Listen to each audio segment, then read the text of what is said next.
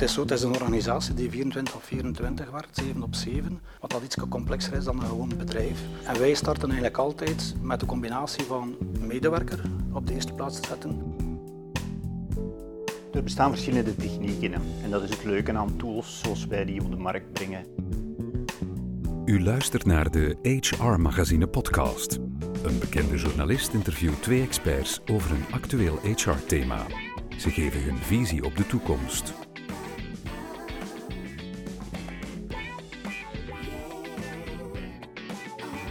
Welkom bij een nieuwe aflevering van Studio HR. Een aflevering waarin we het vandaag gaan hebben over het belang van plannen en dat dat toch meer is dan een Excel-formulier. En dat gaan we doen met Karel van Toba HR Solutions en Chris van Woonzorgcentrum Sint-Vincentius in Kaprijke. Ik heb alleen jullie voornaam gebruikt, is dat oké? Ja. Dan mogen jullie ook Xavier zeggen. Ik ga bij jou beginnen, van Toba HR Solutions. En wat doen jullie? Wel, Xavier, binnen Toma HR zijn wij al meer dan 18 jaar bezig met het automatiseren van dienstroosters, voornamelijk in de zorgsector. En dat wil dus zeggen dat we inderdaad gedurende die 18 jaar ondertussen bijna 1000 klantensites opgestart hebben met uh, interactieve planningssoftware. En uiteraard is die ook heel erg geëvolueerd in die verschillende jaren. Je doet het al 18 jaar. Jullie zijn begonnen vanuit een soort opgewaardeerde Excel, of moet ik dat toch anders zien? Of was het al meteen 20 stappen verder? Het was al meteen vijf stappen verder, laat ik zeggen. Maar inderdaad, de Excel is een groot stuk de inspiratiebron geweest om die ontwikkeling te gaan doen. Alleen heeft een Excel heel snel zijn beperkingen, zeker in organisaties waar je over honderden, soms zelfs duizenden medewerkers praat.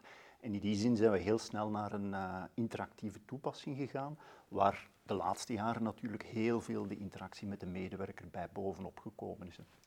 En waarom is het zo belangrijk dat die processen gedigitaliseerd worden? Want je zou toch ook iemand met heel veel inzicht gewoon Excel-formulieren kunnen laten invullen, als hij dat leuk vindt? Ja, theorie zou dat lukken. In de praktijk, um, enerzijds de grote volumes, anderzijds je hebt heel veel regelgeving, je hebt heel veel wetgeving, je hebt ook heel veel dingen waarbij je gaat zeggen van kijk, we houden rekening met wensen, desiderata van mensen individueel en proberen daar tot een zo correct mogelijke planning te komen die enerzijds het wettelijk respecteert, maar anderzijds ook heel vaak work-life balance van medewerkers, zodanig dat mensen eigenlijk graag in die organisatie werken en ook het gevoel hebben dat ze daar een stuk in gehoord worden.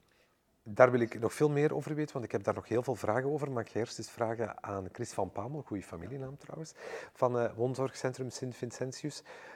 Waarom wilden jullie dat digitaliseren? Uh, wij hadden vroeger de klassieke Excel-files.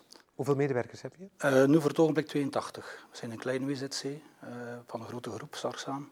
Maar we hebben maar 82 medewerkers. Um, we zijn dus begonnen ook met die Excel-files, maar uh, al gauw was er tussen onze planners, hoofdverpleegkundigen en onze administratie heel wat strubbelingen. Dus door fouten, ja, de administratie zegt, god, er is nog een restje verlof voor die medewerker. Ik ga dan in plannen. De planner had in rust feestdag opgezet. En de discussies kwamen ook naar de loonverwerking toe. Dat is niet correct, dat is niet juist, enzovoort, enzovoort. En daar zijn we denk ik een tiental jaar geleden overgestapt op een digitalisering van duurroosters. En dat is eigenlijk allemaal van de baan. Uh, onze medewerkers zijn heel tevreden uh, over uh, loonafrekening in de eerste plaats. Dat is er ook aan gekoppeld. Ja, dat is er ook aan gekoppeld. Maken. Ja. Het is ook eigenlijk de hele afwikkeling van loon. Ja. En... en onze maandelijkse ondernemingsraad was dan een vast punt vroeger. De niet correcte loonfiches, dat is gelukkig verdwenen. Dus nu zijn wij heel tevreden dat wij eigenlijk met zo'n digitalisering werken. Wat, um, ja, zeg maar, Rudy, Ook de, de transparantie van ons systeem. Dus, uh, wat dat, uh, wij zien als planners, als beheerders, dat zien onze medewerkers ook. In een simpele vorm, mag ik zeggen. Ze zien niet alle toeters en bellen erbij. Ze zien niet de hele back-office, maar Nee. wat belangrijk Ja. is, en die transparantie, dat kunnen ze wel zien. Dus ze zien ook hoe anderen ingepland zijn, om te kijken of dat wel allemaal... Wat een verlofstand is, wat een in alle rust feestdag is, hebben zij overuren of niet, hebben ze te veel ingepland geweest enzovoort. Maar dat kan je dus ook van andere medewerkers zien, hoeveel verloofdagen dat hij nog heeft. Nee, dat niet. Ah, oké, dat niet. Dat wordt persoonlijk gezet. Op individueel niveau. Dat is op individueel ja. niveau, Want ja, anders klopt. begint iedereen elkaars rekening te maken natuurlijk. Dat gebeurt nu ook al. Ehm, maar goed, dan kunnen jullie in de back-office tenminste wel bewijzen of de geruchten over wie nog vakantiedagen te goed heeft, of dat wel klopt. Ehm, inspraak medewerker, dat hoorden we hier net al, is heel belangrijk. Wat kan die medewerker daar zelf toe bijdragen? Welke parameters kan hij ingeven, zodat dat een planning wordt waar die mee kan leven? Ja, kan je heel ver ingaan. Hè. Bijvoorbeeld de organisatie waar Chris deel van uitmaakt, zijn trouwens eh, in totaliteit 14, 15 woonzorgcentra. Hè. Klopt. 1400 medewerkers of zoiets. Ja, dat is een, een belangrijke uitdaging om die mensen tevreden te houden. En onder andere uh, wat we noemen employee centricity, de medewerker speel maken van zo'n planning, maar ook laten participeren in zo'n planning. Is ongelooflijk belangrijk. En dan komt het er in essentie op neer dat ik als medewerker kan aangeven van kijk, als het kan, zou ik graag die shift op dat moment willen doen. Ik zou dan graag thuis willen zijn. Ik zou dan eerder avondshifts willen doen. Ik zou dan graag recup, verlof. Dat speelt allemaal. En daar ook weer ontstaat die noodzaak om via automatisering te zorgen dat je tot een billijk systeem komt. Want wij vragen alle drie onze voorkeuren. En misschien lukt dat ook niet altijd. Dat was meteen mijn volgende vraag, want u weet dat ik kritisch naar de dingen kijk. Als je daar met 20 ingeeft dat je op tweede Pinksteren niet wil werken, wie zal dan wel moeten werken? Wel, net voor zulke dingen dat automatisering een enorme toegevoegde waarde heeft. Want één gaat ons systeem weten wie heeft er vorig jaar met Pinkstermaandag gewerkt, zodanig dat dat niet de pineut is, om het zo lelijk uit te drukken, die dit jaar opnieuw moet gaan werken, tenzij dat hij er expliciet om vraagt. Twee, gaan we ook kijken van, oké, het is niet degene die het eerst vraagt die direct de oplossing krijgt. We gaan kijken van welke vragen komen naar boven en we gaan daar dikwijls ook nuances in aanbrengen. We vragen alle drie hetzelfde, maar voor u is dat heel belangrijk, voor Chris is het iets minder en voor mij Kan je dat ook aangeven, welke prioriteit je vraag heeft? Van kijk, als ik toch moet werken zou dat niet zo heel erg zijn, tot ik zou het verschrikkelijk vinden om Correct. Hè? En misschien niet in die exacte terminologie zoals dat u het uitdrukt, maar we werken heel vaak met, met wegingen en met bijvoorbeeld ook potjes waarbij bepaald wordt van oké, hiermee kan je een stukje meegeven wat belangrijk is voor u, maar je kan niet al je aanvragen superbelangrijk gaan quoteren. Je moet ergens zelf al een stukje nuance uitbrengen. En dan heb je natuurlijk ook de gewone comment hè, die meegeeft waarom is dat belangrijk voor mij. Want je mag ook dat menselijk aspect nooit uit het oog verliezen. Begrafenismoeder lijkt mij heel belangrijk bijvoorbeeld. Wel, dat lijkt me inderdaad ook zoiets waarbij je inderdaad niet afwacht van oké, we gaan de collega's nog vragen, maar je zegt daar heel expliciet op die dag moet ik vrij zijn. Vermoedelijke kater zal waarschijnlijk iets minder meespelen. Dat gaat negen kansen op tien iets minder spelen, alhoewel als je bijvoorbeeld, ik herinner me nog, we hebben vroeger klanten gehad in de regio Aalst en Aalst Carnaval, daar speelde dat ook een stukje mee van wie zorgt voor de permanentie en dan moest er ook een stukje spreiding komen. Dus, het is ook um, regionaal gebonden natuurlijk absoluut, op die manier. Ja. Absoluut, en op die manier werkt dat echt zeer goed, omdat mensen het gevoel hebben van ik hoef niet de snelste, de, de, de, de, de hardst roepende te zijn, ik kom ook aan bod. En dat is heel belangrijk. Dat is belangrijk en prettig ook voor de niet-luide roepers in een organisatie die altijd plooien, zoals ze dat zelf vaak ook noemen. Of de pleasers, hè, die altijd maar iedereen een, een plezier willen doen. Is dit de complete manier waarop jullie werken in het woonzorgcentrum? Uh, nog niet. Mm Wij hebben natuurlijk een andere manier van werken in die zin dat wij wel met roulementen, regimes werken over twaalf, over twaalf weken. Nu, het is zo, het is een organisatie die 24 of 24 werkt, 7 op 7, wat dat iets complexer is dan een gewoon bedrijf. Um, en wij starten eigenlijk altijd met de combinatie van medewerker op de eerste plaats te zetten, een uurrooster in functie ook van onze bewoner. De wens van onze bewoner is heel belangrijk.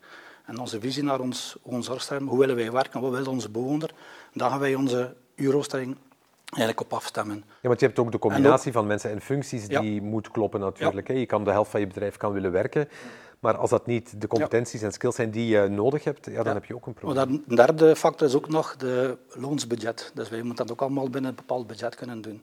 Hoe bedoel je? Wij zijn afhankelijk van een aantal financieringsnormen in de WZC, dus we kunnen niet over bepaalde ja, budgetten van loon gaan van, van medewerkers, totaalbudget van een jaar. Uh, dus wij moeten daar ook rekening bij houden. Ja. Maar wij maken dus een uurrooster op in functie van onze bewoner. En wij kijken hoe onze medewerker daarin beweegt en eigenlijk aanpast. We zijn heel flexibel daarin. Uh, wij werken met roosters dan ze een Hans jaren zien.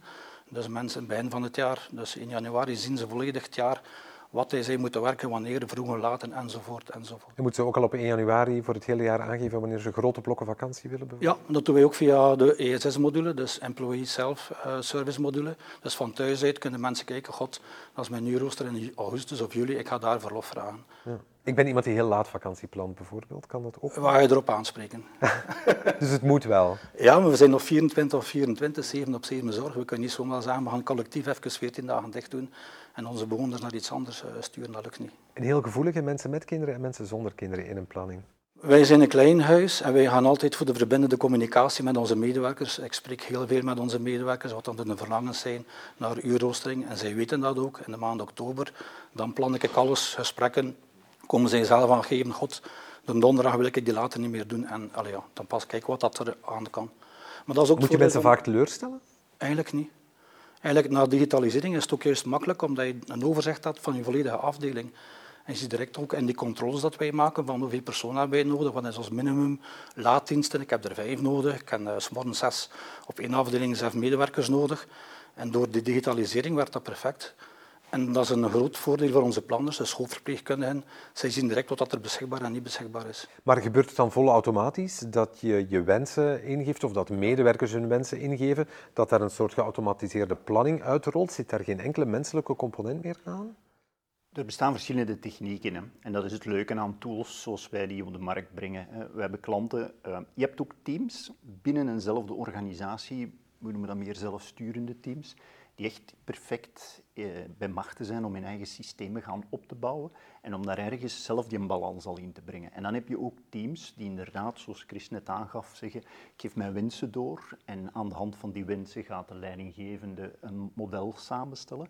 Er bestaat ook de mogelijkheid om dat helemaal te objectiveren. Via planningsalgoritmes kun je inderdaad maken van, kijk, mijn nachten, mijn weekends zitten misschien al in een vast roulement, zoals Chris net kwam te vertellen. De mensen kunnen hun voorkeuren erin steken en dat systeem gaat dat echt super objectiveren en die gaat zeggen van, kijk, ik ga gewoon via een algoritme hieruit de best mogelijke planning maken. En dat betekent dat die inderdaad ook de ene keer u wat voordeel geeft en de andere keer mij wat voordeel geeft.